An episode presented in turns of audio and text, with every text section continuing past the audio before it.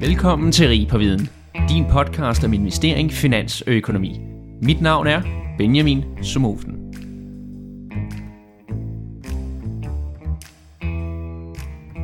Episoden er sponsoreret af Finansforbundet, fagforeningen for ansatte i det finansielle område.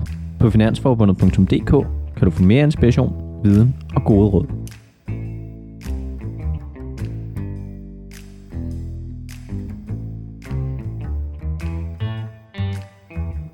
Denne episode af Rig på Viden er med en velkendt gæst, som faktisk allerede takkede jer i sin tid til at deltage i episode 4.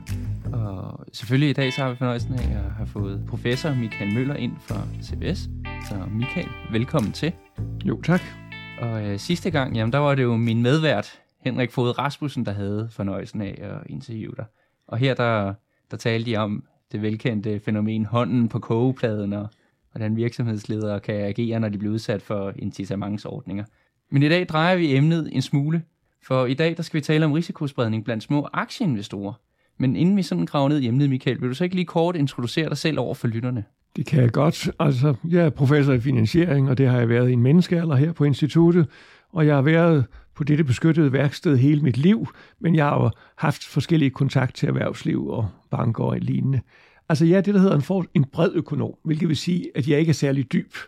Så jeg har beskæftiget mig med en lang række emner. Jeg har skrevet phd afhandling om boligmarkedet, jeg har skrevet en bog om kunstøkonomi, og jeg har skrevet en bog om taxakørseløkonomi, jeg har skrevet om realkredit, og jeg har skrevet om fakta og fordomme om banksektoren, og jeg har skrevet om optionsaflønning. Så jeg er relativt bred, og, men det jeg mest beskæftiger mig med, det er økonomi ud fra en dansk problemstilling. Øh, så jeg er egentlig mest optaget af praktiske problemer, enten personer eller erhvervsliv har, i det setup, vi nogle gange har i Danmark, med de regler og institutioner, vi har her i landet. Yes, og det er super godt. Og øh, i dag, der skal vi jo tale om små aktieinvestorer, som jeg også ved, du har en interesse i. Men sådan inden vi graver ned i dybere det også, altså, så tænker jeg, hvornår er man en lille aktieinvestor? Ja, og der kommer vi til det, som jeg engang lærte dig på HA, at det rigtige svar på stort set alle spørgsmål i økonomi, det er, det kommer an på. Fordi der er ikke én afgrænsning, men man skal se det i forhold til sin øvrige økonomi. Altså det, der er pointet, det er, at du skal tænke på dig selv som, en, som du har en portefølje. Det vil sige, 100.000 kroner, det kan lyde som et stort beløb. Men jeg ser alting i forhold til din private økonomi. Hvis du har et landbrug til 15 millioner, så er 100.000 kroner et meget, meget lille beløb. Hvis du har en ung og har en forventet livsindkomst øh, på 20 millioner, så er 100.000 et lavt beløb. Så man skal se det i forhold til alle de andre aktiver, du har, og det er både din bolig og din pensionsordning og din arbejdsindkomst. Så det er ud fra det, man skal sige, hvis din aktieportefølje kun udgør, skal vi sige 5% af, hvad du samlet har, når du regner det hele med, så er beløbet relativt uinteressant i en vis forstand. Okay, så hvis man er en lille aktieinvestor, som vi skal tale om i dag, så har man også en, en større formue, ud over hvad man har investeret i sin aktieportefølje. Ja, men man skal blot tænke på, at lad os nu blot tage en, som er en ganske almindelig menneske på 45. Jamen han vil jo typisk have, uh, halvdelen af landets befolkning vil have en bolig. De vil omstændigheder have en forventet arbejdsindkomst. Hvis du er 40, så har du 30 år foran dig, hvor du kommer til at tjene nogle 100.000 hvert år. Det, der kommer til at bestemme dit forbrug, det er først og fremmest din arbejdsindkomst. Og i anden grad, anden omfang, er det den pensionsordning, du er tvunget ind i. I den sammenhæng spiller de 200.000, du har skrevet sammen, de spiller ikke nogen stor rolle, for spredt ud over de næste 45 år, som du skal leve, der er det 2.000 om året, og så er det småpenge. Det er på den måde, man skal overveje, om et beløb er stort eller småt. Det er i forhold til en samlede formue. Og der skal man aldrig glemme, dit vigtigste aktiv, formodentlig, det er din arbejdskraft. Jeg plejer at spørge til folk, har du sikret dig en god forsikring mod at blive invalid? Fordi øh, det er jo underligt, at det største aktiv, du har, det er din arbejdskraft. Men du ser folk, der tegner afbudsforsikringer på rejser, og brilleforsikringer og lignende pjat, hvor de forsikrer et aktiv, som er 8.000 værd. Men de har ikke tænkt nødvendigvis over det største aktiv, de overhovedet besidder, nemlig deres egen arbejdskraft. Og øh, som du siger, Michael, du har jo været her i, i rigtig mange år på CBS, og corporate finance har jo været et, et fag også, der, blev undervist på HR Almen, også i en, en menneskealder efterhånden, og der lærte man jo allerede noget så tidligt som øh, tangentporteføljen, og det ved at, at sprede sine investeringer godt ud, og der kan man ligesom få det optimale afkast-risiko-forhold. Og, og det er sådan en, en rimelig... På studiet husker jeg det sådan, der var, der var ligesom en løsning til at finde den her tangentportefølje. Men mener du, at den findes i praksis? Først og fremmest, når man sådan bruger vores almindelige ligevækstteori, så bliver tangentporteføljen per definition, om jeg så må sige, så bliver den lige med det, vi kalder markedsporteføljen. Og det vil sige sådan et, øh, det klassiske øh, øh, teoretiske resultat inden for finansieringsteori, det er, at hvilke aktiver du skal købe, det afhænger af din risikovillighed i en vis forstand. Men det er kun et spørgsmål om, hvor meget skal holde i det helt sikre, skal vi sige kontanter eller korte obligationer, og hvor meget skal jeg holde i aktier. Men når du har valgt, hvilken risiko du vil have, så skal du ikke vælge mere eller mindre risikable aktier, så skal du blot købe en milliontundel af alle de aktier, der cirkulerer i verden. Øh, så alle mennesker skal ifølge teorien holde den samme relative sammensætning af aktier.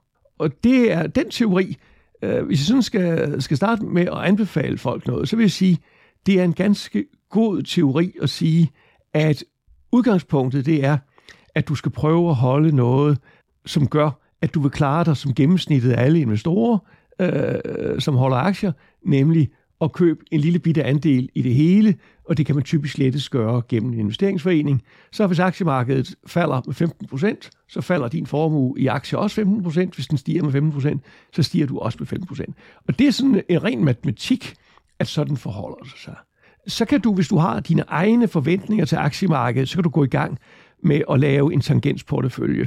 Men så forudsætter du, at du selv har nogle klare idéer om, hvilke aktier, der vil gå op og gå ned, og hvor, stor, hvor meget du er sikker på, at du har ret.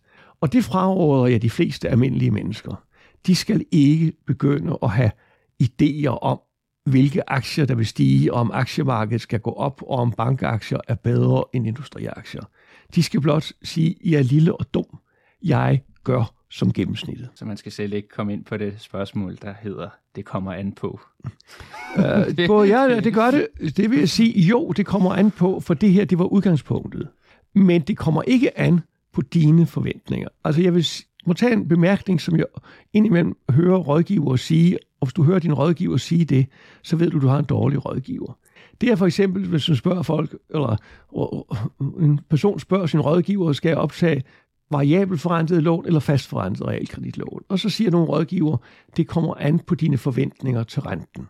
Og jeg plejer at sige, at den ærlige rådgiver siger, intet er mere uinteressant end din komplet ukvalificerede mening om renten, for det ved du sgu ikke en kæft om, Marker. Så det har intet med det at gøre. Så det, der derimod kan spille en rolle, og hvor jeg vil sige, det kommer ind på, det er noget med skat, og det er noget med transaktionsomkostninger, og det er noget med, hvor meget tid du har og hvor meget viden du har. Fordi at man skal være klar over, at du kan være rådgiver på to måder.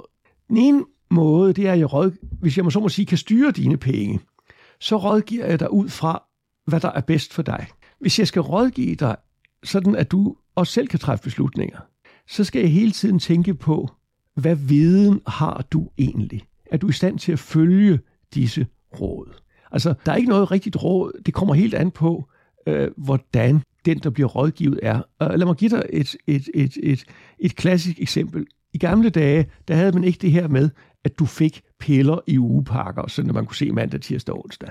Der var der noget medicin, som det var bedst, hvis du tog det hver anden dag. Det var næsten lige så godt, men ikke helt så godt, hvis du tog det hver dag. Men det var meget, meget trist, hvis du glemte at tage det for nogle dage. Hvis du så skulle rådgive et sundt og fornuftigt menneske, så sagde du, tag pillen hver anden dag. Skulle du rådgive en, som var lidt svag og dårlig hukommelse, så sagde du, du skal tage en pille om dagen. For de ville lige præcis kunne finde ud af at tage en pille om dagen. Hvis du først begyndte på hver anden dag, så kunne de aldrig huske, om de havde taget dag, pillen i går. Så altså, rådgivning afhænger af, hvor meget forståelse og viden og tid den person har, som man rådgiver. Så der er en forskel på, hvilken portefølje jeg vil vælge til folk, og den jeg vil anbefale dem selv at investere i. Så lad os holde lidt med teorien her, for lad os nu sige, øh, hvis vi holder lidt i den her tangentportefølje. Du siger, at det handler om at vælge et mix mellem obligationer og så fuld øh, aktier, hvor man kunne ligge imellem. Men man kan jo faktisk også gå videre ud af kurven og have mere end 100% aktier. Og hvis nu man er et, en kompetent investor, lad os sige det, så, så øh, kunne man jo egentlig benytte gearing ifølge teorien, men man ser det til gengæld meget sjældent hos private. Både ja og nej. Altså igen, lad os lige prøve at tænke os om, hvad vi helt nøjagtigt mener med gearing, fordi folk bruger ordene forskelligt. Hvis du bruger ordet gearing i betydningen, at du optager lån med sikkerhed i aktier og køber. Altså du har 100 kroner, så køber du aktier for 200 kroner. Du låner de 100 kroner. Det er der ikke så mange mennesker, der gør. Men hvis du ser det i en porteføljebetragtning, så vil jeg jo sige, at enhver person, der har et lån på en million i sit hus, og som samtidig har for 500.000 kroner aktier, jamen, så giver det jo mening at sige, at de aktier er finansieret ved lån. For alternativt kunne han have betalt halvdelen af sin gæld tilbage. Så de er jo lånefinansieret. Du kan ikke rigtig se på, hvor pengene kommer fra. Så på den måde er der utrolig mange mennesker, der giver. Det er den ene ting. Så er der også nogle mennesker, der giver ved at investere gennem investeringsselskaber, hvor gearingen sker i selskabet. Altså, hvis du har, jeg investerer i et investeringsselskab, og de køber aktier, men låner halvdelen af pengene, jamen så er det, sker gearingen jo i selskabet. Så på den måde, du kan også finde nogle finansielle instrumenter, som er gearet. Altså det er ikke dig, der optager lånet, men du, får, du kan lave et værdipapir, sådan at når Novo stiger 1%, så stiger det her værdipapir 2%, og Novo falder 1%, så falder det her 2%. Det er jo alt sammen udtryk for gearing, men gearingen kan ligge forskellige steder.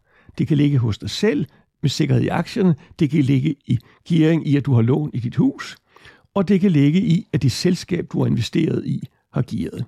For den sags skyld, øh, når du nu investerer i en virksomhed, øh, hvis du har lyst til det, som har 95% gæld, og derfor ekstremt risikabelt, så ligger der jo også en gearing i det. Så, så det er derfor sådan, det er så mange, mange andre ord, du skal bruge med stor forsigtighed, fordi forskellige mennesker tænker forskelligt på, hvad de mener med gearing. Jeg mener i det store og det hele, at det er fornuftigt, at folk går være tilbageholdende. Og lad os bare lige holde fast på det her med. Det er klart, som du siger, at teorien siger, at der ikke noget heldigt ved ikke at låne penge. Det kan være en god idé, siger teorien, at du låner penge og køber aktier, fordi du godt kan tåle risiko. Og det klassiske argument, det er, du er ung, du har en forventet fremtidig livsindkomst, takket være dit arbejde, på 20-30 millioner. Du kan jo godt tåle at investere en million. Du har den bare ikke, fordi hele din formue står i din arbejdskraft. Så skal vi råde den person til at give. Jeg gør det ikke. Jeg fraråder det skarpt. Og det skyldes blandt andet noget med transaktionsomkostninger og skat. Fordi i forvejen, hvis du skal ud og investere, og hvis du vil have denne øh, markedsportefølje, det vil sige en lille beholdning af alle, af alle aktier, der er på markedet, eller i hvert fald de 2.000 største selskaber, og du investerer gennem investeringsforeningen, så forsvinder der lidt i form af omkostninger i investeringsforeningen. Der er nogle omkostninger, og det er jo dig, der betaler dem. For det andet, hvis du skal låne penge, så kommer du til at betale en rentemarginal. Altså hvis markedsrenten er 1%, så kommer du til at betale 2%. Så en del af den risikopræmie, man har som investor, den forsvinder i omkostninger. Og derfor kan det godt være, at den der dejlige risikopræmie, som ser så tiltalende ud, før du har taget hensyn til omkostninger, og før du har taget hensyn til skat, den ser meget mindre attraktiv ud, når du tager hensyn til omkostninger og skat. Og så kommer det sidste, nemlig at hvis du skal have en gearet portefølje, så skal du hele tiden sidde og følge med. For hvis du har lånt penge til at investere, og kommer en, du er på ferie, aktiemarkedet falder 50 procent, og banken siger enten kommer du i løbet af 24 timer med noget ny sikkerhed, eller også sælger vi alle eller halvdelen af dine aktier. Det er jo meget, meget trist at være udsat for, at sådan et kortvarigt fald gør, at alle ens aktier bliver solgt. Og så står man med et skattemæssigt tab, som man ikke rigtig kan bruge til noget, for nu er man ruineret. Eller i hvert fald uden penge, indtil man har skravet nogle penge sammen. Det er også vigtigt, at man har en porteføljepolitik, som gør, at man siger, nu kan skidtet passe sig selv et år, uden at jeg overhovedet ser, hvad der sker. Hvis du har haft en million, og du har lånt to til at investere, så kan du ikke blot slappe af. Fordi hvis kurserne falder, og de kan godt falde, altså jeg har oplevet dem falde med 20-25 procent på en dag, så er det altså, og hvis du så har lånt tre gange så mange penge, som du øh, kom med selv, ja, så i løbet af en dag, så er din million væk. Du havde købt aktier for 4 millioner, 1 million var din egen, 3 millioner lånte du, aktiekurserne falder 25 procent, din million er væk, dine aktier er solgt, du står på bar bund. Uh, det skal være muligt at tage på ferie uden at tænke over den slags. Yes. Ved du hvad, Michael? Jeg synes, du er ved at blive talt rigtig godt varm nu, og du har faktisk allerede øh, kommet lidt ind på, hvad vi skal tale om i dag øh, over for lytterne. Øh, blandt andet nogle helt generelle antagelser af omkostninger og skat. Øh, nu har jeg kigget en del forskningsartikler, og sjældent, noget, sjældent er det to ting, man faktisk afgrænser sig fra os, når man skriver sådan nogle artikler her. Det samme så jeg også i lærebøgerne. Det var ikke meget, vi var inde på det heller. Men øh, som sædvanligt, så tager vi altid fat i en øh, artikel her i Rig på Viden, og det er heller ikke en undtagelse denne gang. Du har skrevet en i samarbejde med Bjarne Astrup Jensen, også den tidligere underviser, jeg havde i obligationer og rentestruktur teori. Men øh, artiklen her, den hedder Optimal risikospredning for små aktieinvestorer i en kompliceret verden. Vil du ikke lige kort introducere artiklen herover for lytterne? Og... Jo, lad mig det. Altså, først og fremmest, så vil jeg sige, at det er et eksempel på, hvordan to pæne, fornuftige økonomer, det er ikke spillet mig der, men to vidt forskellige økonomer, som har den samme teori, vil nå til vidt forskellige resultater, blot på grund af en lille bitte forskel i opfattelse. Det vi taler om her, det er at sige, for det første, at vi mener, at hele tanken om, at risikospredning er nødvendig og afgørende, øh, den er lidt overdrevet, fordi hvis du, igen, hvis du ser på din aktieportefølje i en, som en del af din samlede formue, så bliver risikospredning mindre nødvendigt. Altså igen, jeg sagde tidligere, du skal ikke tegne en forsikring mod, at øh, øh, dine briller går i stykker, eller din computer går i stykker, eller din rejse må du give afbud på, fordi det er så små beløb i forhold til din samlede indkomst. Uh, lad mig tage et eksempel. Min niece stod for en del år siden og skulle starte en retpension, og jeg sagde blot til hende, gå ned og put 15.000 kroner i to forskellige aktier. Jeg gav hende navnet på at købe dem. Og så sagde banken, at det er jo et jammerligt råd, du har fået, fordi du har ikke nok risikospredning, fordi et selskab kan gå for lidt. Og det er også fuldstændig rigtigt. Hvis det ene selskab gik for lidt, havde hun mistet halvdelen af sin rettepension. Og jeg sagde til hende, det er fuldstændig ligegyldigt, for du vil købe to aktier hvert, forskellige aktier hvert år i de næste 30 år. Og det, der er interessant for dig, det er, hvad betyder det for den pension, du har om 30 år? Og så om det er et af de selskaber, du køber til første år, går ned og hjem, det er sådan set ligegyldigt, for du laver indbetalinger i de næste 30 år og køber nogle aktier. Det betyder ikke ret meget for din samlede pension. Så det er i det lys, man skal se det. Så derfor, hvor risikospredning lyder meget overbevisende, så er det mest fordi, vi ser aktieporteføljen uden at se den i lyset af alle de andre midler, du har. Og så findes der noget fin teori, der siger, jo, men du kan bruge den risikospredning til at købe nogle flere aktier. Men igen, hvis du er i den situation, at du har 30.000, du skal investere, og det er så dyrt for dig at låne, at det ikke er en mulighed, så er det ret ligegyldigt med den her risikospredning.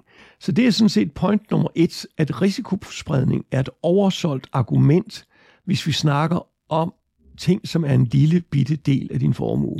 Altså, du ved, der står i Bibelen de smukke ord, del dit gods i syv otte dele, for du ved ej, hvad ondt kan ske på jord. Og det er udmærket, men der står ikke 700 dele. Så hvis din aktieportefølje kun udgør 1% af, hvad du har at gøre godt med, så er det ret ligegyldigt, om du laver en vild risikospredning på 1% af din formue. Så det er det, der er. Det er argument nummer et. Og det fører mig så frem til at sige, at vi kan se tre vidt forskellige strategier på, hvis du er en mindre aktieinvestor, hvordan skal du investere. Og de tre, det er følgende. Punkt 1, det er, du kan købe dig ind i en dansk low-cost investeringsforening. Og jeg vil sige, jeg vil altid tilråde en global investeringsforening med lave omkostninger. Der er meget stor forskel på omkostninger. Nogen har ret store omkostninger, fordi de køber og sælger og analyserer, andre har lave omkostninger. Men en med lave omkostninger, der kan man formodentlig komme ned på en halv procent eller deromkring, eller 0,6 procent, øh, det er en mulighed. Og den er sådan set dejlig simpel, for du skal bare købe i en investeringsforening, global afdeling, og så lader du tingene passe sig selv. Så findes der også det, der hedder ETF'er, som er udenlandske investeringsforeninger, for at sige lidt populært. Og øh, de vil typisk kunne komme endnu længere ned i omkostninger. Og så vil den folk sige, jamen hvorfor tilråder du ikke den? Og så kommer allerede her, at det begynder at blive indviklet, fordi det kommer an på. Øh, fordi hvis jeg tilråder den, så er der to problemer ved ETF'erne forhold til den danske investeringsforening. Den ene det er, at man kan jo eje investeringsbeviser forskellige steder. Man kan have dem i pension, eller man kan have dem i form af frimidler. Hvis du er pension, så gør det ikke nogen forskel, så er alt skat ens. Hvis du har aktierne eller investeringsbeviserne, øh, ETF'erne på privat hånd, så hvis du har en investeringsforening, dansk investeringsforening, så er det typisk skat efter, de bliver skattet som aktier efter realisationsbeskatning. Hvis du derimod har købt en ETF, som ikke specifikt er godkendt til aktiebeskatning, så vil den blive beskattet som en kapitalindkomst efter lagerprincippet. Det vil sige, plus så betaler du skat som kapitalindkomst, og er der negativ. Og det vil så sige, at frem og tilbage er ikke lige langt. Lad os nu sige, at du har en større formue, skal vi sige bare en million eller to. Den ene år stiger aktierne med 20 procent, så siger skattevæsenet, tak, vi tager i skat 42 procent af gevinsten til os. Næste år, så falder de 20 procent, og skattevæsenet siger, at vi vil bære 25 procent af risikoen, fordi skatten på stor negativ kapitalindkomst, der får man kun 25 procent rabat. Men så mærker du også, så begynder rådgivningen allerede at blive indviklet, fordi nu skal jeg til at sige, hvad du skal gøre, kommer an på dine skattemæssige forhold. Hvor ligger pengene hen? Og så begynder vi at løbe ind i det problem, at rådgivning, som bliver kompliceret, den er folk meget ked af. Vi ved det fra meget rådgivning, at det vigtigste for folk, det er, at rådgivning ikke tager mere end fire minutter. Altså vi ved, at folk hurtigt står af over for rådgivning. Derfor også, jeg vil sige, et af de områder, som irriterer mig vildt, det er pensionsrådgivning. Og hvor man nogle gange hører de der krav fra forbrugerorganisationer og andre, at man skal give en kort og dækkende forklaring på pensionsordninger. Og det er det, jeg kalder et prinsessekrav.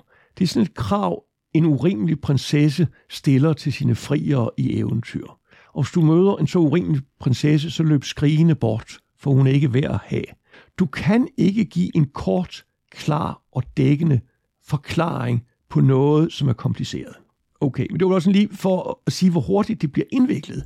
Så den tredje måde at investere på, det er så den, som min kollega og jeg mest anbefaler langt rej. Men igen, det er ikke, fordi vi spiller noget mod det andet, men der er en vis simpel enkelhed ved at sige, investere i 20-30 store danske aktier, og lad skidtet passe sig selv. Altså bare, du får ikke den optimale risikospredning. Fordi gennem en investeringsforening, så vil du have spredt din formue på måske 500 aktier. Med den her strategi får du spredt på 20-30 aktier, og du får jo ovenikøbet, øh, du får jo kun aktier i danske selskaber, og ikke denne globale portefølje, hvor du har dem alle sammen med. Men der er den fordel ved det. Punkt 1. Det er helvede simpelt. Køb danske aktier. Og der er ikke nogen skattemæssigt komplicerede problemer i det her. Og endelig gælder det, at det er utroligt billigt at have dem opbevaret. Og der begynder de der med omkostninger at komme ind. Fordi hvis du investerer gennem en ETF, så vil du typisk opdage, at i de fleste steder, så vil der være depotomkostninger, som du skal betale i den bank, der er. Der er nogle banker, der ikke tager depotomkostninger, altså årlige depotomkostninger, for at have ETF'er. Øh, jeg skal ikke nævne nogen, men der er nogle ganske få, der gør det. Men pointet er, så er rådgivningen jo blevet yderligere kompliceret, for så skal jeg fortælle dig, hvilken af de 50 banker i Danmark, du skal gå ind i og undersøge, om, der, om de tager depotomkostninger. Og så er det blevet lidt indviklet. Det tager tid at finde ud af i din bank. Så skal du finde ud af, om du har investeringsbeviser eller ETF'er. Og hvis du har ETF'er, skal du finde ud af, om de er godkendt til aktiebeskatning eller ej.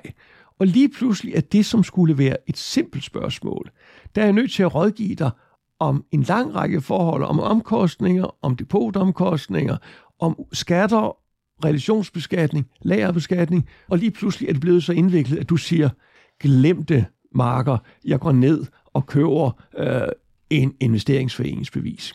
Og så med lidt held kommer du hjem med en investeringsforening med omkostninger på 1,5 procent. Så det der med at rådgive, det er et utroligt kompliceret spørgsmål.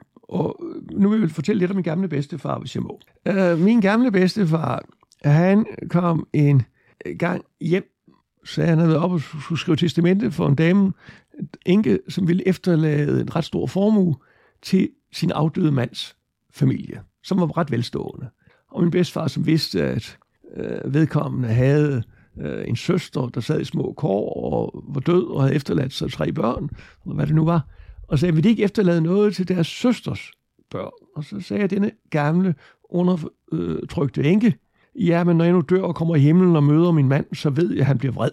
Og så undertrykt var hun, at selv efter hans død, var hun bange for, at han ville sige. Og så sagde min bedstefar, det skal du ikke tænke på, det skal jeg nok ordne med ham, når vi mødes deroppe i himlen. Så, og så skrev hun testamentet, som også efterlod nogle penge til øh, den stakkels enkes øh, søsters børn. Og det var mit point, og så sagde min bedstefar, da han fortalte historien til mig, nu føler jeg, at jeg har fortjent at komme i himlen, men jeg regner nu ikke med at møde ham. Han var ikke noget tiltalende menneske. Men pointet er, i en vis forstand var det dårlig rådgivning, fordi min bedstefar troede jo ikke, at han ville møde enkens mand i himlen. Men hvordan skulle han rådgive en enke, som var så bange for sin afdøde mand, at hun ikke turde tænke på sin familie? Altså, nogle gange må du rådgive folk ud fra, hvad du mener er det bedste for dem, og ikke du kan ikke give dem et frit valg, for de kan ikke tænke. Og det er lidt det samme med det her. Hvis jeg skal begynde at forklare en, som kun vil bruge fem minutter på at investere sine penge, om alle de her problemstillinger, så går det galt. Så derfor, de råd, som vi giver, de kan virke både primitive og dumme og alt muligt andet. Men du skal bare overveje, at der er forskel på, hvilken politik man vil føre med sine egne penge, og hvilken politik jeg vil rådgive folk med begrænset interesse og viden for emnet. Det, det er to forskellige ting, og det er sådan lidt det. Og derfor vores point i den her artikel er, jamen vi kan sådan set glimrende både forstå den person, som putter det hele i 30 forskellige aktier, danske aktier, og lader det passe sig selv. Øh, det synes det vil vi anbefale en del mennesker, men det er jo ikke fordi, vi siger, at den person, som putter det hele i investeringsforening, nødvendigvis er idiot. Det er ikke fordi, de giver sig helt afgørende resultater. Øh, vi prøver blot at påpege, at alle disse forhold med skat og omkostninger – og låneomkostninger og rentemarginaler, de gør problemstillingen meget mere kompliceret, end den vil fremstå i den simple lærebogsmodel. Ja, fordi den simple lærebogsmodel, den siger jo, at vi skal bortdiversificere alt ja. usystematisk risiko, og der er også flere, der siger, at det er den eneste free lunch, man kan få inden for finansiering. Og det, er jo, det går det jo så lidt øh, imod, hvis man vælger at afgrænse til 10 til 20 Men, aktier her. Så, så hvornår vil du mene, man er vel diversificeret? Altså, fordi det er jo, man kan jo købe værdipapirer, der har flere tusind. Punkt 1 vil jeg sige, en free lunch er altid god. Men pointet er, og derfor, hvis risikospredning er gratis, så er det helt klart, at så skal du risikosprede. Så derfor, jeg vil ikke putte øh, 100.000 i hvert værdipapir øh, og købe 10 forskellige, når det er gratis, og putte 50.000 i hver og købe 20 værdipapirer. Så er det gratis risikospredning, fordi depotomkostningerne bliver de samme for alle praktiske formål, handelsomkostningerne bliver de samme for alle praktiske formål. Men i det øjeblik, du diversificerer gennem en investeringsforening, så er det ikke længere en free lunch, fordi investeringsforeninger arbejder ikke gratis. Der er en omkostning ved at investere gennem en investeringsforening. Og der er også nogle skattemæssige omkostninger øh, ved at investere gennem sin. Så du, det er rart med en free lunch, men dette er ikke en free lunch. Der er en omkostning i form af skat og omkostninger. Ja, så det, det rene gratis måltid, det får man, når man køber en dansk aktie, så koster det ikke noget, så længe du holder den, og indtil du faktisk skal sælge den for, en dag. For, for alle praktiske formål, hvis du bare køber for, for 30.000 gange, eller 20.000 gange, for den sags skyld, eller 10.000 gange, så er depotomkostningerne, og så er depotomkostningerne pres til 0, og handelsomkostningerne, der er ikke rigtig nogen forskel på at købe for 20.000 aktier i 10 forskellige selskaber, eller købe for 200.000 i et. Det er tæt det samme, og specielt selvom der skulle være en promils forskel, når den bliver spredt ud over 30 år, hvor du ejer aktien, så er det 0,03 promille øh, om året. Og det er ikke ret meget i forhold til, at investeringsforening måske koster for det første en halv procent i omkostninger, det er lavt sat, og der er nu, kan være nogle ekstra withholding skatteomkostninger, øh, og det er noget kompliceret skidt, men det er de internationale skatteregler, som gør det lidt mere besværligt at købe udenlandske aktier. Og det er det for den sags skyld også, hvis du køber udenlandske aktier direkte. Altså, så kan du komme ud for, at du skal afholde omkostninger for at hjemsøge withholding-skatter i udbyttet i udlandet. Og reglerne er forskellige for frimidler og pensionsmidler, og det er et helvede at forklare folk. Jeg plejede at sige øh, i min ungdom, at når jeg fik nogle år til års, så ville jeg sætte mig ind i dansk skattelovgivning på det her område, fordi det er så institutionelt bestemt, forskellige lande har forskellige regler og omkostninger. Det er der ikke nogen mennesker, der gider bruge deres tid på. Så det er derfor, jeg et langt stykke af vejen siger, i tvivl, så vælg det simpleste. Uh, altså, der er en fordel ved at vælge noget, der kun foregår øh, her i landet. Og altså, lad mig give dig et eksempel. Jeg ved ikke, om du kan huske et selskab, der hed Auriga.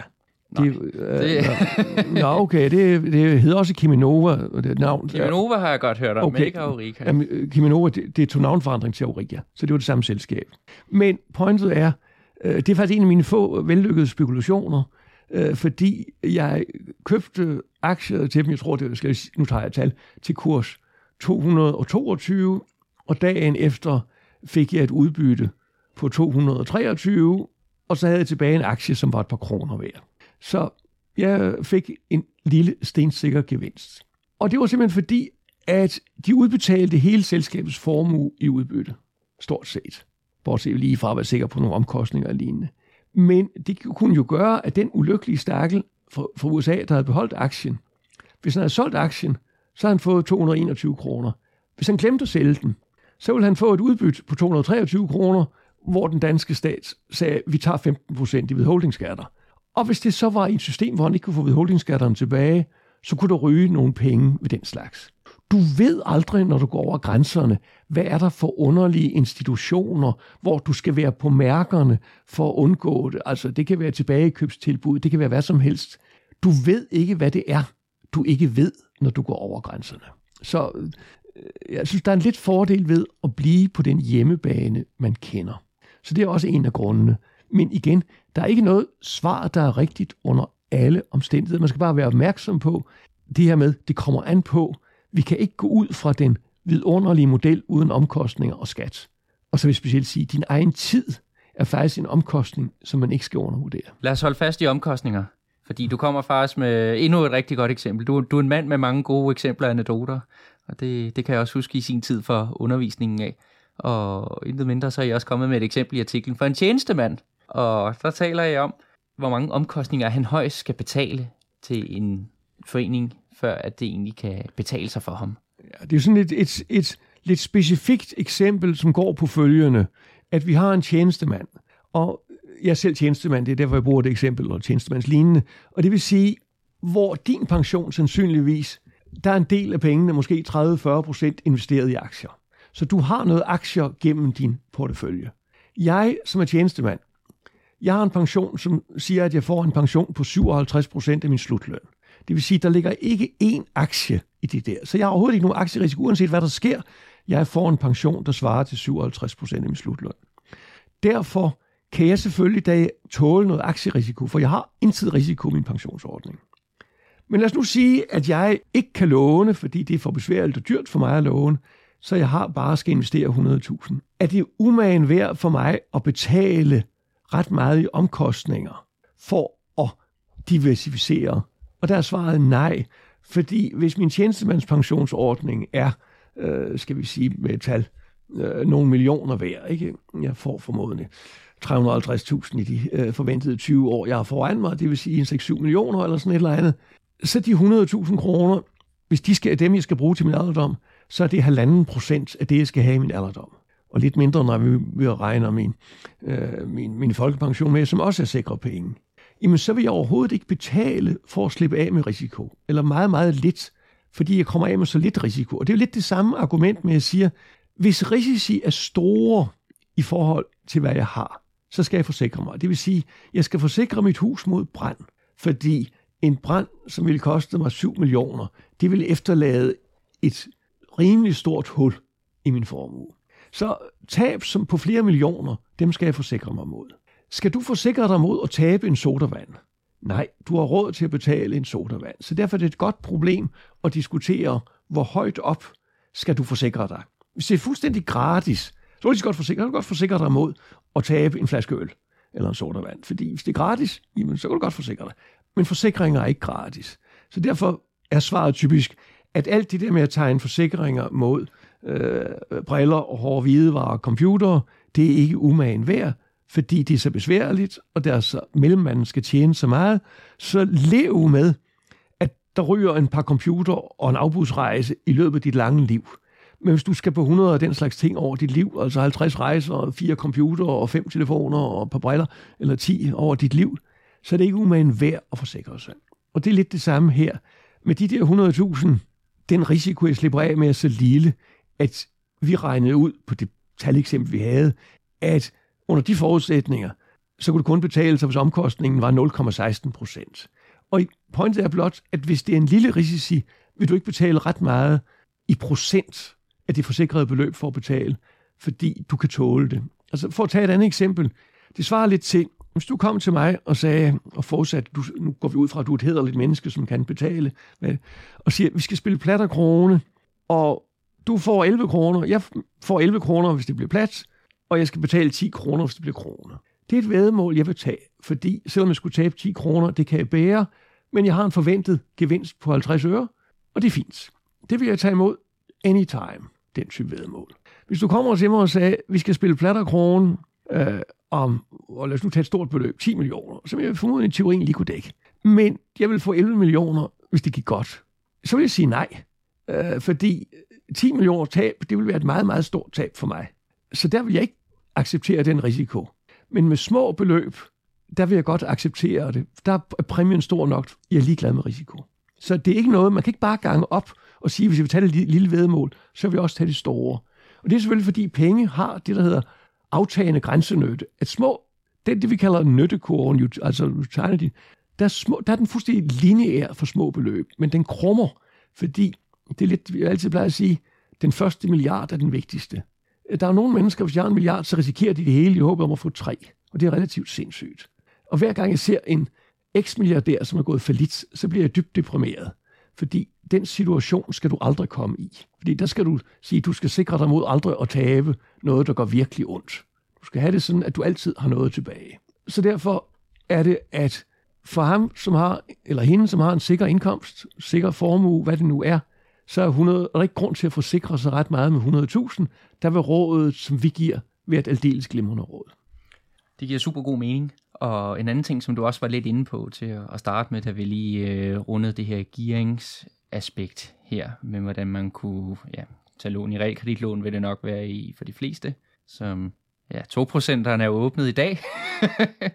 det giver jo så en, en, en højere omkostning og en højere rentemarginal, fordi man låner ikke bare til spotrenten, man skal betale en øh, omkostning oven i. Ja, det er meget godt, du spørger, fordi det er meget få mennesker, der egentlig ved, hvad de betaler for det, man kan kalde den marginale kredit. Altså tænk på det lidt som situationen, at du ser chokolade 1 for 3 kroner, 2 for 5.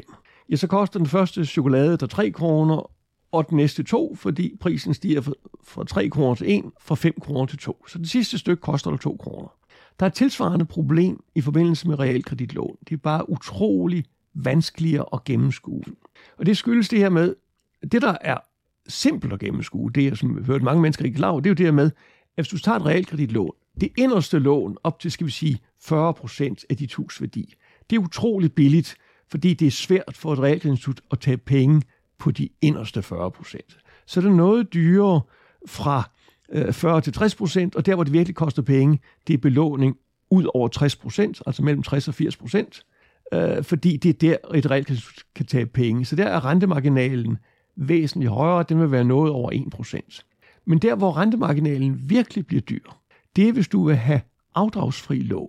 Og mange folk undervurderer, hvad det koster, fordi de ser kun på, at, lad os tage et eksempel, at det øh, rentemarginalen er 0,8, hvis du betaler afdrag, og så lad os sige, at den er 0,9, hvis du ikke betaler øh, afdrag. Og så siger de, det er jo kun en ekstra 1 promille. Jo, men man skal tænke på, at det ekstra lån, man får ved at tage et afdragsfrit lån, det er jo ikke hele lånet. Det, man får i ekstra, det er jo kun, at du sparer og betaler afdragene tilbage. Så altså for, lad os nu forestille os, at du kun skal bo i huset i fem år. Jamen så får du ikke ret meget ekstra kredit, fordi det er jo kun de afdrag, du skulle have betalt i de første fem år. Men den der ekstra rentemarginal, den betaler du på hele lånet. Så du betaler 0,1 procent Altså for at tage et simpelt eksempel, du låner 3 millioner, du skulle have betalt 100.000 tilbage om året, øh, hvis du betalte afdrag, fordi renten er 0, men nu skal du, får du et afdragsfrit lån.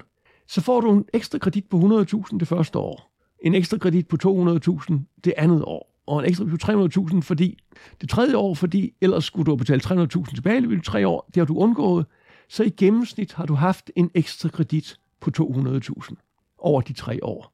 Men du betaler en ekstra rentemarginal på 0,1 på hele øh, de 3 millioner, som du har, øh, som du låner. Så derfor kommer rentemargin, altså den samlede ekstra rente, du kommer til at betale, øh, det kommer over 2%. Og så begynder vi jo lige pludselig at sige, hvis du skal betale 2% i rentemarginal, og du har nogle omkostninger i investeringsforeningen, så er det måske lettere og simplere for dig at betale gæld tilbage. Fordi det kan godt være, at du mister en risikopræmie, men du sparer stensikkert nogle omkostninger i realkreditinstituttet, og stensikkert nogle omkostninger i investeringsforeningen, og så endelig holder du din økonomi simpel. Og jeg elsker en simpel økonomi, fordi selve det, at du kan overskue din økonomi, det har en værdi i sig selv. Der er mange mennesker, så hvis økonomi er blevet så indviklet, Øh, det var specielt tidligere, hvor man jo også havde, at folk købte kommanditanparter og havde lån og alt muligt andet, og de havde udskudt skat, og de anede egentlig ikke, hvor mange eller hvor få penge de havde. Og når man først kommer derud, hvor man ikke ved, hvad man har, så stiger risikoen for, at man lige pludselig befinder sig i et moras. Øh, for den, du aner ikke, hvor meget udskudt skat, der forfalder, hvis du lige pludselig skal afvikle de der øh, engelske øh, hotelejendomme eller lignende. Så overblik har en værdi i sig selv. Det giver super god mening, og det er jo selvfølgelig noget, man selvfølgelig skal huske med, at det er rentemarginalen af hele lånet her. Altså, men øh, indtil videre, så har vi jo virkelig øh, fået talt din teori op med, at man skal vælge øh, nogle få danske aktier og gøre det øh, simpelt her. Men Michael, jeg kunne egentlig godt tænke mig også at, at høre dig tænke, hvad, hvad har I overvejet af ulemper også ved den her strategi, ja, som man som investor også selvfølgelig skal være opmærksom på? Altså jeg vil sige, punkt et, for nogle mennesker er det mere kompliceret, og det der med at skulle ud og købe 30 aktier, i stedet for blot at købe en. Altså du kan have investeringsfing, så vil sige, stående ordre, hver gang står 30.000, køb nogle af dem. Det her er en smule mere kompliceret. Min erfaring er, at folk, når de får en portefølje af aktier, så begynder de at bruge for meget tid på at læse kurslister og ærge sig, øh, når kursen falder og bliver grebet af det, når det går godt, og de begynder at spekulere på, nu er Danske Bank steget med, med, med 30 procent, skal jeg ikke sælge den og tage min gevinst? Altså, du begynder at bruge for meget tid på det, og du får et personligt forhold til dine aktier. Og endelig er der selvfølgelig det problem, at du skal tænke en lille smule over det problem, der hedder afbalancering. Fordi en ting er, at du køber 30 forskellige aktier. Men nu er en af disse aktier, over de 10 år, så er den blevet en fabelagtig succes, og den er 20-doblet. Og nu udgør den lige pludselig øh, 35 procent af din formue. Og hvornår skal du så gå ud og sælge den? og så vil du ærge dig over at skulle betale skat. Altså, så der er, der er ikke noget, der er helt problemfrit i denne verden, og der er ikke noget, hvor jeg ikke kan påpege et muligt problem. Og det gælder næsten hvad som helst i en tilværelse, at jeg kan finde en lang række argumenter pro et kontra. Og derfor er jeg sådan set meget forsigtig med at sige, at den ene løsning er den bedste. Og derfor er jeg virkelig lidt ked af, at man ikke sådan har mere individuel rådgivning, fordi nogle gange bør man kende folk for at kunne give dem råd. Og det er klart, at der er bankerne jo gået i meget retning af maskinrådgivning. På visse områder tror jeg faktisk, at rådgivningen måske var lidt bedre for 40 år siden, fordi at så kunne man tage individuelle hensyn. Det er svært, øh, fordi hvis øh, forbrugerombudsmanden kommer efter dig, øh, og dine, ud fra dine individuelle råd, så kan jeg godt forstå, at banker øh, sætter sig og siger, nu kører vi alle efter en bestemt skabelon, den kan vi forsvare, og der er ikke noget overladt til den enkelte bankrådgiver. Og det eneste, jeg siger, det er, det har også sine omkostninger. Altså igen, for at tage et banalt eksempel. Jeg kan huske, det er mange år siden, øh, der er sådan øh, en ældre dame, der har øh, et par millioner stående på sin bankkonto. Skal man råde hende til at købe aktier og obligationer? I det skal man i teorien. Problemet er blot, at hvis du har aktier og obligationer, så får du breve om renter, og du får breve om udtrækninger, og du får breve om, at du får tilbudt tegningsrettigheder, og hun bliver redselslagen hver gang hun får et brev fra sin bank om det her. Så hvis du tænker på, at hun har flere penge, end hun nogensinde får brug for, og det her det er omkostninger, som tabet vil hun ikke investere optimalt, det er noget, der rammer arvingerne.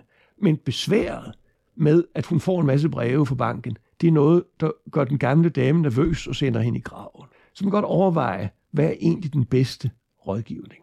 Så der er ikke noget svar, der er det rigtige øh, i denne verden. Nej, så en god fire minutters rådgivning, der ikke er fra maskinen af, så vil det være rigtig fint. Er der noget, vi mangler at tale om, Michael? Jeg tror, vi har været, været øh, rundt om det hele. Og så mit vigtigste budskab, det er punkt 1. Man kan kritisere de her råd sønder og sammen, og det kan jeg gøre med alle råd. Og lad være med at tro, at jeg er så naiv, at jeg mener, at de her sådan, tommelfingerregler, jeg giver, øh, det er den evige sandhed. Altså jeg plejer at sige, tommelfingerregler er jo for de fummelfingrede. Ikke? Altså, det er nogle simple råd for folk, der skal have det simpelt. Vi kan hele tiden lave nogle mere og mere avancerede modeller. Og af det store beløb, så vil jeg tilråde til noget mere avanceret. Af det små beløb, så vil jeg overveje det her med, hvad er din egen tid og omkostninger værd? Og jeg vil tænke på det her med, har du et spillergen? Forbløffende mange mennesker bliver grebet af aktier, og jeg mener personligt, portefølje og formueforvaltning, det er noget, man ikke skal bruge ret meget tid på. Yes, jamen ved du hvad, lad det være ordene for denne gang. Michael, det har været en fornøjelse. Tak for det. Tak for, at du lyttede med til Rig på Viden. Jeg håber, at du lærte noget, og hvis du nu synes godt om vores podcast, så kan du støtte os ved at følge den på Spotify eller skrive en anbefaling på iTunes. Inden på LinkedIn, der kan du følge André Tormand, Benjamin Somofen eller Henrik Fode Rasmussen. På genhør.